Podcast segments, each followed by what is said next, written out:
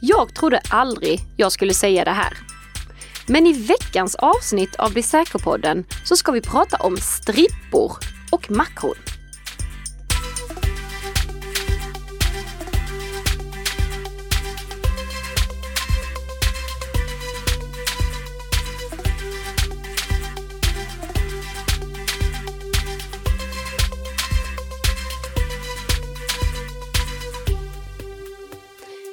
God morgon Nika! God morgon, god morgon Tess. Och god morgon till alla våra fantastiska lyssnare som hänger med oss eh, här varje fredagsmorgon. I den här podden som produceras i samarbete mellan Nika Systems och Bredband2. Snyggt! Och jag, jag vet inte om Bredband2 har godkänt att vi ska prata om strippor och makron. Eh, när vi, vi tar det i efterhand va? Ta det i efterhand. Ja. Ja, det är marketing without asking any questions first. Exakt. Ja. Men vi har som vanligt massa, massa nyheter att gå igenom och massa annat eh, relevant eh, innehåll. Så jag tänker att vi kickar igång. Vad har du som första grej här då, Nika? Jo, först och främst så ska vi bege oss till andra sidan Atlanten, till Utah. Jaha, För där finns det ett universitet som har drabbats av en utpressningstrojan. Aj, Och då aj, tänker aj. ni att ja, det, det är väl inget nyhetsvärde i sig, det, det ser vi ju varenda vecka. Men jo, jag, jag skulle vilja lyfta den här incidenten specifikt. För förra veckan, då pratade vi om Canon. Canon hade drabbats av en utpressningstrojan och de hade fått filer stulna från sig, alltså inte bara drabbats av en utpressningstrojan som krypterade deras filer, utan eh, angriparna hade faktiskt stulit filer från Canon. Men trots det så sa Canon när de eh, blev eh, utpressade att nej, vi tänker inte betala. University of Utah sa inte det.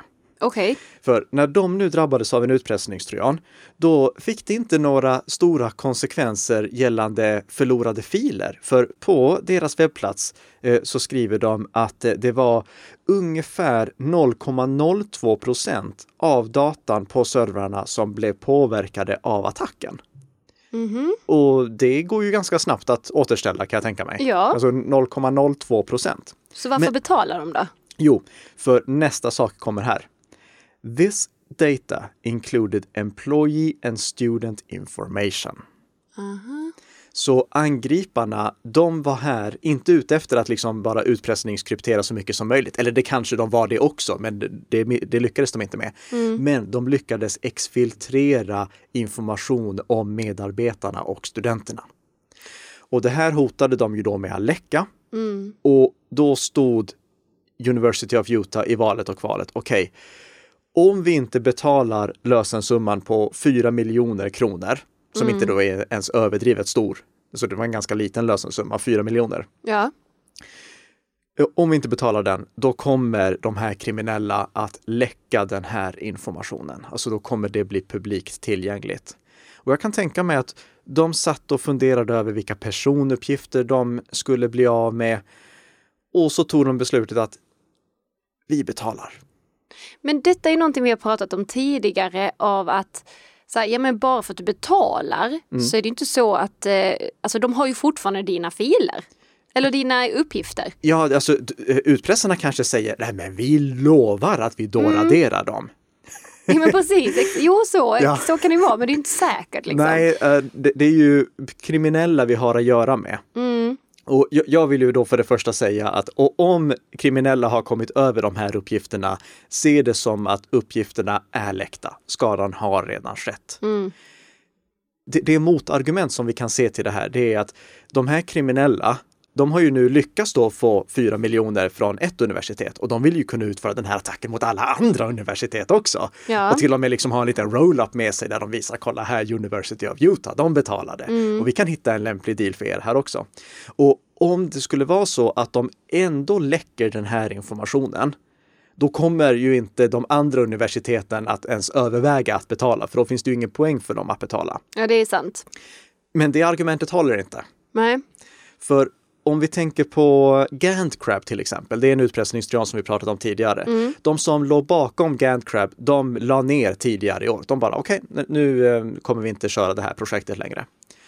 Och i och med att det är kriminella vi har att göra med nu också, så finns det ju ingenting som kan garantera University of Utah att de kriminella inte om ett år känner att okej, nu är vi färdiga med det här. Så låt oss spinna allting en gång till. Säga, okej, okay, vi lägger ner, men vi vill gå ut med liksom buller och brak. Mm. Så vi läcker filerna i alla fall. Tjäna ihop till eh, pen pensionen sen. Ja, det, det, det, skulle de också kunna göra. De skulle mm. kunna kräva eh, lösensumman en gång till. Mm. Säga, eh, jo, okej, okay, för att ni inte ska vara med i den här buller och bång avslutningen så måste ni betala lösensumman en gång till. Ja.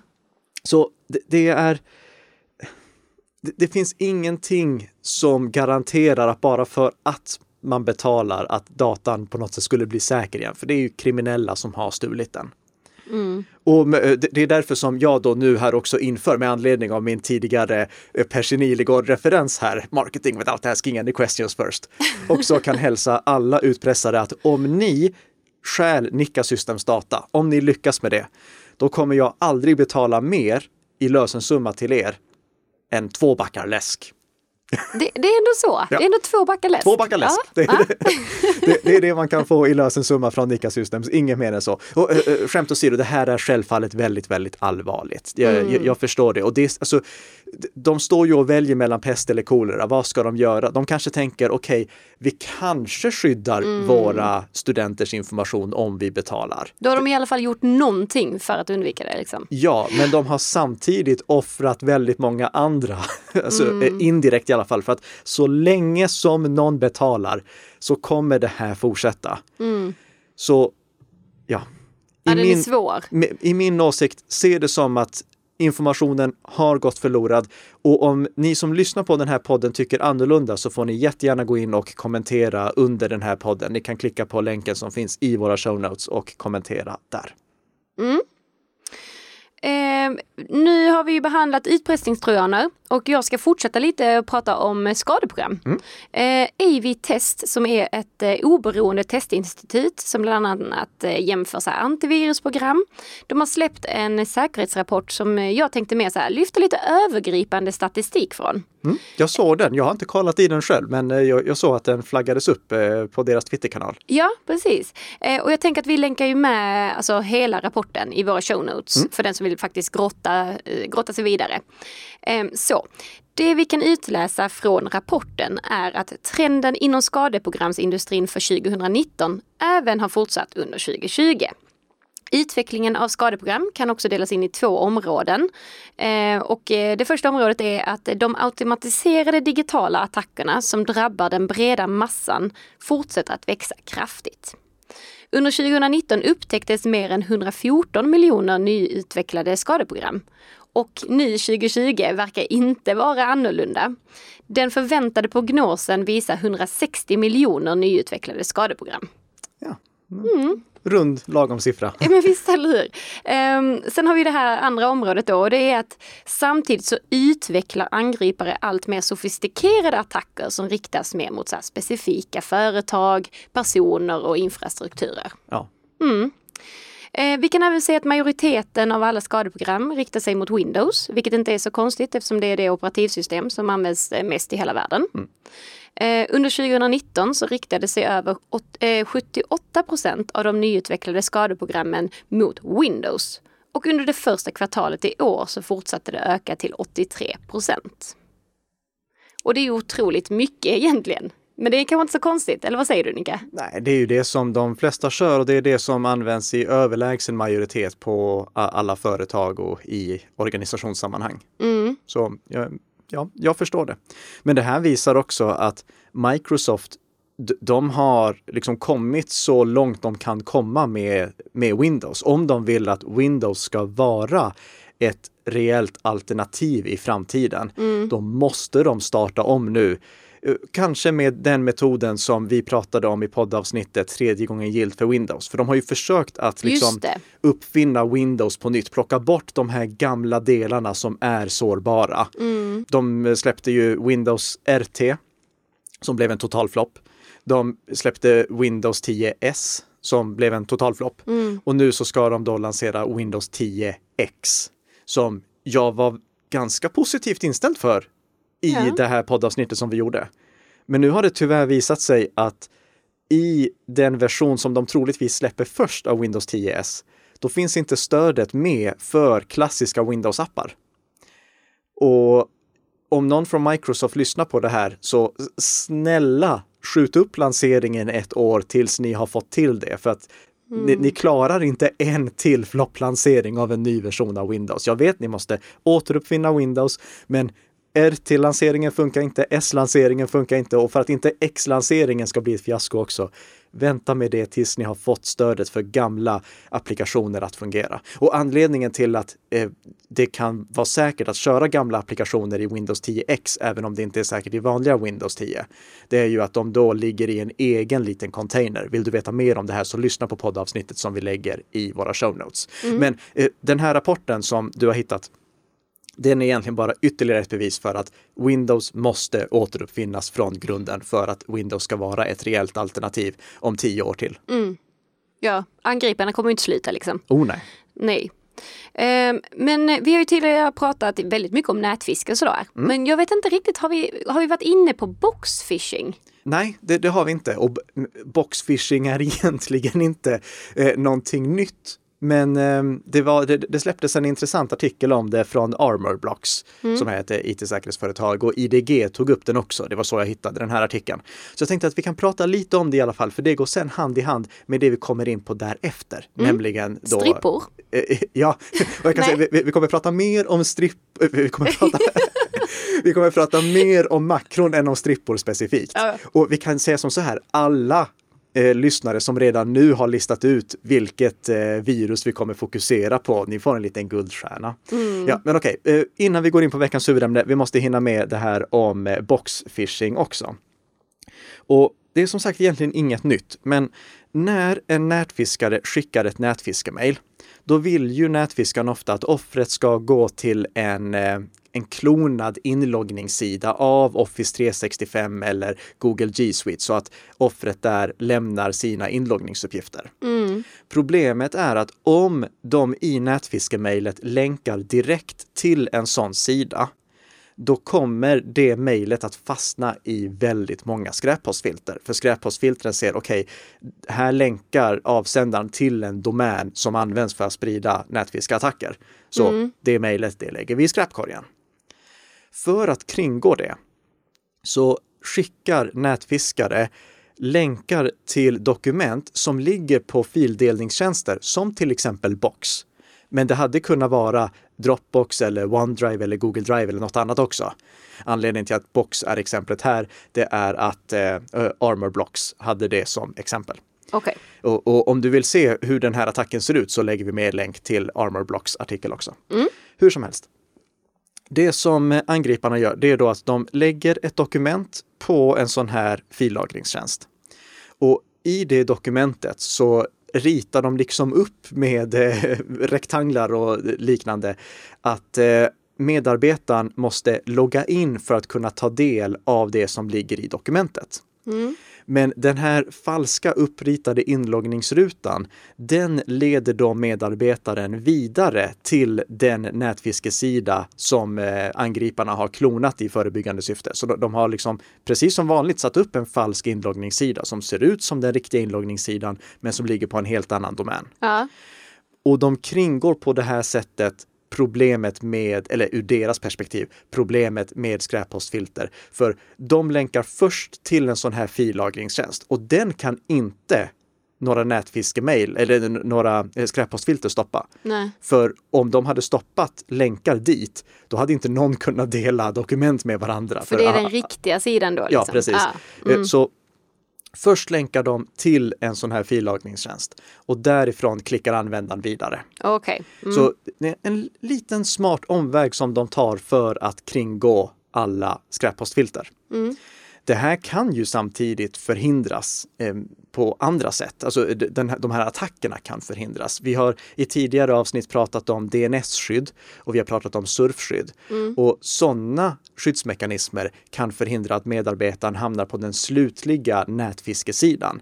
För när han eller hon klickar på länken som är i den här delade, eh, som är i dokumentet på den eh, fillagringstjänsten, ja. då kan ett eh, DNS-skydd eller surfskydd skydda mot att han eller hon kommer vidare till nätfiskesidan. Mm.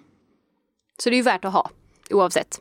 Ja, men jag ville bara flagga upp det här så att man, har i åtanke att det är en metod som angripare använder och varför inte ett skräppostfilter per definition kan skydda mot allt sånt här. För mm. skräppostfiltret kan ju omöjligtvis veta vad det är för dokument som användaren sen kommer till. Absolut. Eh, skräppostfiltret kan inte gå in och läsa där. Och det här är också troligtvis en av anledningarna till att Firefox Send hade så mycket problem. Mm -hmm. Firefox Send är ju den eh, fildelningstjänst som vi hyllade i ett helt eget avsnitt. Ja. Men den har de fått lägga ner eftersom det delades för mycket skadeprogram via den. Aha. Och i och med att Firefox Send hade alla filer lagrade krypterade så att Mozilla som låg bakom Firefox Send inte själva kunde inspektera filerna. Mm. Då kunde de inte heller göra något för att förhindra den här typen av attacker. Nej, det är klart. Box, Dropbox, OneDrive och liknande, de har ändå potentiell möjlighet att skanna filer som eh, länkar någon annanstans mot den här typen mm. av nätfiskedomäner. Okay. Men någonting som är värt att känna till i alla fall. Och vi ska inte lägga så mycket mer tid på det, utan vi ska ju nu hoppa in på veckans huvudämne. Ja, strippor och makron va? Ja. Mm. Och jag tänkte först bara berätta vad ett makro är. Ja, men det låter väl klokt. Ja. För jag behöver ibland utföra repetitiva uppgifter. Mm. Och alla vet att utföra repetitiva uppgifter är väldigt, väldigt tråkigt. Ja, det, det kan jag hålla med om. Mm. Så jag spelar då in makron som gör det åt mig. Och makron finns det i jättemånga program. Det finns i Photoshop till exempel, så man kan spela in att när jag kör det här makrot, utför då de här knapptryckningarna åt mig. Mm. I eh, Excel använder jag ofta makron. Nu senast var det för att eh, Caesar-chiffrera en lång ordlista. Men minns du Caesar-skiffer som vi lekte med när vi var små? Alltså det låter bekant, men kan du inte utveckla det lite? Ja, eh, det var typ den här mest grundläggande typen av kryptering och vi får sätta kryptering inom citationstecken också. Mm. Men sätt så att vi kunde överföra hemliga meddelanden mellan oss och våra vänner. Mm. Så om eh, jag ville skriva ett meddelande, då tog jag det ursprungliga meddelandet jag ville skicka mm. och sen räknade jag upp bokstävernas värden med ett visst antal Alltså om jag hade A från början och vi hade kommit överens om att vi skulle räkna upp det med värdet 4, ah. då ersatte jag, jag alla A med en och jag ersatte alla ben med F. Okay. Så man, man tar bara och ökar värdet på bokstäverna. Mm. väldigt lätt för någon utomstående att knäcka. Men det, det, var roligt att leka med när eh, vi var små. Och jag behövde nu Caesar-chiffrera en ordlista med 10 000 ord. Okej. Okay. Ja. Jag ska inte gå in på varför. Nej, jag, jag tänkte precis fråga varför detta, men eh, nej, vi lämnar den. Och jag ville inte sitta själv och ersätta alla bokstäver Eh, i eh, en lång ordlista. Nej, det förstår jag. Så jag tog och gjorde ett väldigt, väldigt simpelt makro i Excel. Så makro kan vara väldigt användbart då alltså? Oh ja. Mm. Det, det, här makrot gjorde att det tog ordet som fanns i A-kolumnen, mm. plockade bort bokstäver som in, eller tecken som inte var svenska bokstäver, kommatecken och liknande, bindestreck och liknande. Eh, ökade värdet med fyra och sparade i B-kolumnen. Okay. Så jag mm. tryckte mm. på play och så brum, var det klart. Fantastiskt. Ja, mm. jättesmidigt. Ja. Men om man tänker efter så inser man att det här kan definitivt missbrukas. om, om, om, vi kan få ett dokument eller ett kalkylblad eller en presentation att göra någonting åt oss, alltså inte bara visa information utan faktiskt göra saker, mm. då är det någonting som skadeprogramskapare definitivt kan dra nytta av. Och det gör de. Ja. Och för att exemplifiera det så tycker jag att vi går tillbaka till 1999 och pratar om Melissa-viruset. Melissa-viruset skapades av David Lee Smith. Och det som det gjorde, det var att när man öppnade ett dokument som han hade lagt det här makrot i, mm. då tog makrot och automatiskt skapade ett nytt mejl gjorde så att ämnesraden blev important message from och sen användarnamnet. Så till exempel important message from Tess. Okej. Okay. Uh. Och sen innehållet i mejlet, det blev Here's that document you asked for. Don't show anyone else. Winky face. och eh, bifogade dokumentet mm. där i och skickade det till de 50 första personerna som fanns i personens kontaktlista. Ja. I och med att det här kördes automatiskt när någon öppnade dokumentet så tror jag att våra lyssnare kan inse att det här spreds runt jorden på nolltid. Oj. Så, så fort det här fick fart, alltså tänk dig varje person som fick det skickade vidare det till 50 personer till. Åh, Så det här, det tog världen med storm på ett felaktigt vis. verkligen. Och bara för att sätta situationen i kontext. Nu är vi alltså tillbaka 1999. Det här var på tiden då Hotmail var den populäraste gratis e-posttjänsten. Och där fick man lagra två megabyte med data. Två megabyte. Ja, jag sa inte fel. Två megabyte, alltså mindre än ett foto idag. Ja, det är ju jättelite. Ja, så ni, ni, ni förstår vad, vad det här ställde till med för e-postservrarna. FBI, de skriver på sin sida som de har om Melissa-viruset att email servers at more than 300 corporations and government agencies worldwide became overloaded and some had to be shut down entirely, including at Microsoft. Och sen uppskattar de också att den totala kostnaden för att återställa allt det som Melissa ställde till med, mm den ligger på 80 miljoner dollar. Wow. Ja. Så det här, Och det var också 99. ja. Ja. Mm. Så Melissa ställde till riktigt mycket problem. Men då blir man ju väldigt nyfiken här nu då. Varför heter viruset Melissa? Det borde jag sagt. Ja, ja, eh, det var nämligen eh, som så att det fanns en eh, strippa i Florida som jag då misstänker att David Lee Smith tyckte väldigt mycket om. Så han dedikerade det här viruset till den här strippan. oj. Så Melissa har blivit världskänd som...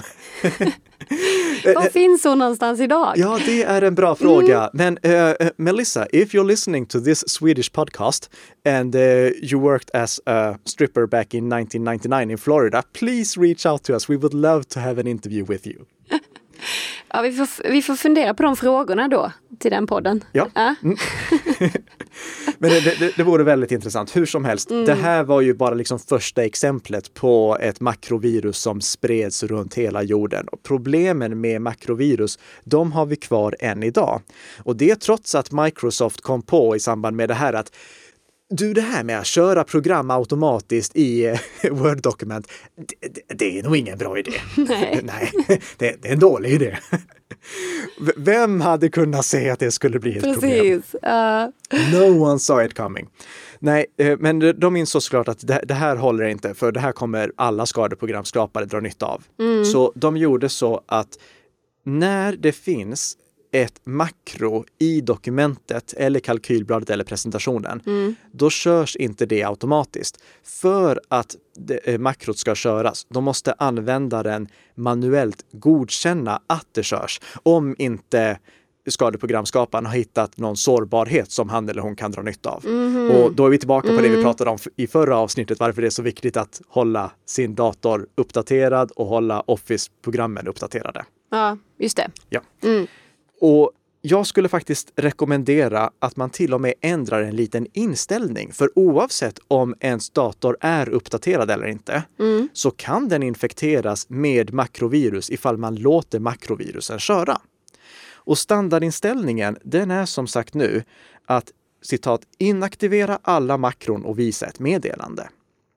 Det innebär att när man som mottagare får ett dokument, kalkylblad eller presentation som innehåller ett makro, då står det att makron har inaktiverats och eh, då fungerar inte makrona helt enkelt.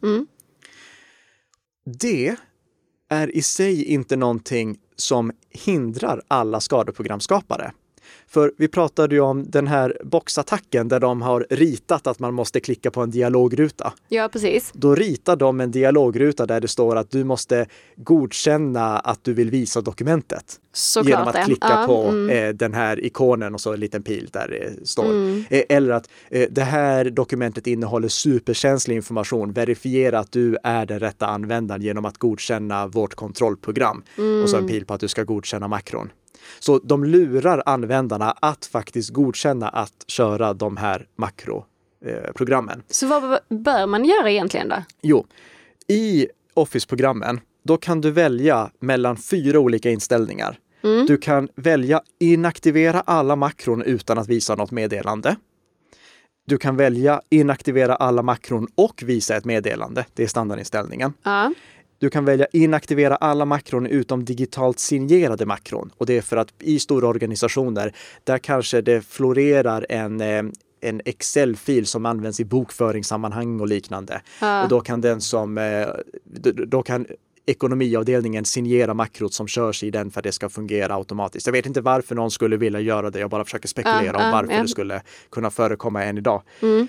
Och eh, sista alternativet är aktivera alla makron. och det står till och med uttryckligen därefter rekommenderas inte. Kod som, kan vara skadlig kan köras. Ja. Ja. Ja. För att man inte ska luras att aktivera makron så rekommenderar jag att man ändrar den här inställningen till inaktivera alla makron utan att visa något meddelande. För då är inte risken att man klickar på att godkänna av misstag. Nej, det är sant. Och jag skulle ju vilja rekommendera alla som lyssnar på den här podden som har eh, vänner, föräldrar som inte är lika IT-säkerhetskunniga att gå in och ändra den här inställningen. Jag lägger med instruktioner för hur man hittar den i våra show notes. Eh, Gå in på deras dator och ändra den här inställningen. För jag lovar er att om de inte är speciellt IT-säkerhetsmedvetna, då tillhör de inte heller den kategorin av människor som behöver köra makron. Alltså, och, och, om Ah, du ja, tänker dig ett. Mm. Venn-diagram, ett sånt här cir- cirkeldiagram. Det, det, det är inget Människor som kör makron och människor som saknar grundläggande koll på IT-säkerhet. Det, finns inget överlapp däremellan. Nej, nej, nej. Så gör det. Och, och, och det här gäller både Windows och MacOS. I- Mm. I MacOS då finns inte alternativet att eh, endast köra digitalt signerade makron, men du kan välja stänga av eh, makron helt och hållet utan att visa något meddelande. Och det är så lätt hänt att om man är stressad att man bara trycker på godkänn för att komma vidare. Så stäng av det helt och hållet. Så det är det smartaste om man nu inte vet med sig att man använder och kör makron då. Ja, precis, Mm. precis. Och sen finns det en sak till som jag rekommenderar, som jag har sagt flera gånger tidigare. Och det är att också slå på visning av filändelser i utforskaren eh, respektive Finder. Mm. För om du har visning av filändelser påslaget, då har du ytterligare en chans att uppmärksamma att någonting är fel. Just det. För förr i tiden, före Office 2007, och nu är det kontrollfråga, Office 2007, är det en underhållen version av Office? Svar nej. Nej, det är det inte. Eh, Men dessförinnan, då användes ju .doc-filer för dokument, .xls-filer för kalkylblad och .ppt-filer för PowerPoint. Mm. När Office 2007 lanserades, då bytte Microsoft filformat så att doc-filerna blev docx-filer. Excel-filer bl- blev XLSX-filer och så vidare. Så det blev ett X på slutet. Och det är väl det som egentligen är idag. Det är det som man använder idag än så Ja. länge. Eh, eh, fortfarande, ja. Precis. Mm. De filerna kan inte innehålla makron. Om inte angriparen har hittat ett sätt att utnyttja en sårbarhet för att få med ett makro så kan det inte ligga makron i de filerna. Mm. Utan om det ska ligga makron i dem, då blir det en annan filändelse. Då blir det .docm, .xlsm, .pptm, alltså den ursprungliga filändelsen men med m på slutet istället för x. Och om du får ett dokument som slutar med någonting m där, då vet du att det, det här verkar väldigt konstigt. Varför ska jag få ett makroaktiverat dokument? Varför ska jag få ett dokument som innehåller ett program? Hmm, smart. Ja, så ytterligare någonting man kan använda för att eh, i- liksom i förväg upptäcka att "Ah, här, är- här är någonting, här är Mm. någonting lite lurt. Mm. PDF-formatet skulle för övrigt må bra av att uppdateras på samma sätt så att det fanns både interaktiva pdf och inte interaktiva pdf -er. Ja, faktiskt. Ja. faktiskt. Men eh, det, det är någonting som eh, Adobe får ta itu med. Hur som helst, jag rekommenderar alltså att man ändrar standardinställning för huruvida makron ska få köras så att man inte kan råka infektera sig själv och att man aktiverar visning av filändelser så att man har ytterligare en chans att uppmärksamma om någonting är galet. För då minimeras risken att man råkar infekteras av ett makrovirus. Men vad är alltså konsekvenserna av detta egentligen? Eh, det, det, det, kan vara vad som helst. Det, yeah. det, kan vara att filer raderas, mm. det, kan vara att filer ändras och, och alltså, det är ju extremt anmärkningsvärt ifall filer ändras. Absolut. Tänk dig liksom bokföringen och du blir infekterad av ett makrovirus mm. och makroviruset går in och ändrar i datan. Mm. Ja. Så det, finns väldigt allvarliga konsekvenser som kan uppstå av det här. Inte bara överbelastningsmail i, till, till ära av någon floridiansk strippa. Eh, och man ska tänka på att det här är ju någonting som kan spridas vidare också. Eh, virus är ju en specifik typ av skadeprogram, ett skadeprogram som sprids med andra filer. Mm. Och om du blir infekterad av ett makrovirus, då kan det makroviruset i sin tur infektera andra dokument som du har eller andra kalkylblad som du har. Och om du sen sprider de kalkylbladen vidare, mm. de dokumenten vidare, då blir ytterligare personer infekterade. I värsta fall så blir till och med eh, template-filen eller mallfilen du använder infekterad. Alltså eh, när du skapar ett nytt dokument i Word, då används mallfilen som du har på din dator för att styra vilken, vilket typsnitt som ska vara, användas i rubriken, vilket typsnitt och vilken storlek som ska användas i texten och så vidare. Mm. Om den mallen blir infekterad, då kommer alla dokument från det, det tillfället som du skriver att vara infekterade. Åh fy, vilken mardröm. Ja. Så nej, det här får man ju eh, eh, se till att eh, fixa. Ja, och att hålla våra datorer säkra, det är ju det som vi fokuserar på i den här podden som är tillbaka nästa fredag igen. För så är det ju med Bli säker-podden. Vi sänder varje fredagsmorgon för att göra dig lite säkrare för varje vecka som går. Och om du tycker om den här podden, då tycker jag att du ska tipsa dina vänner om den så att de också kan dra nytta av den. Har du några frågor eller kommentarer så kan du som vanligt höra av dig till oss antingen via sociala medier eller via kommentarsfältet som jag pratade om tidigare tidigare. Och så hoppas jag att du får en riktigt trevlig helg. Trevlig helg!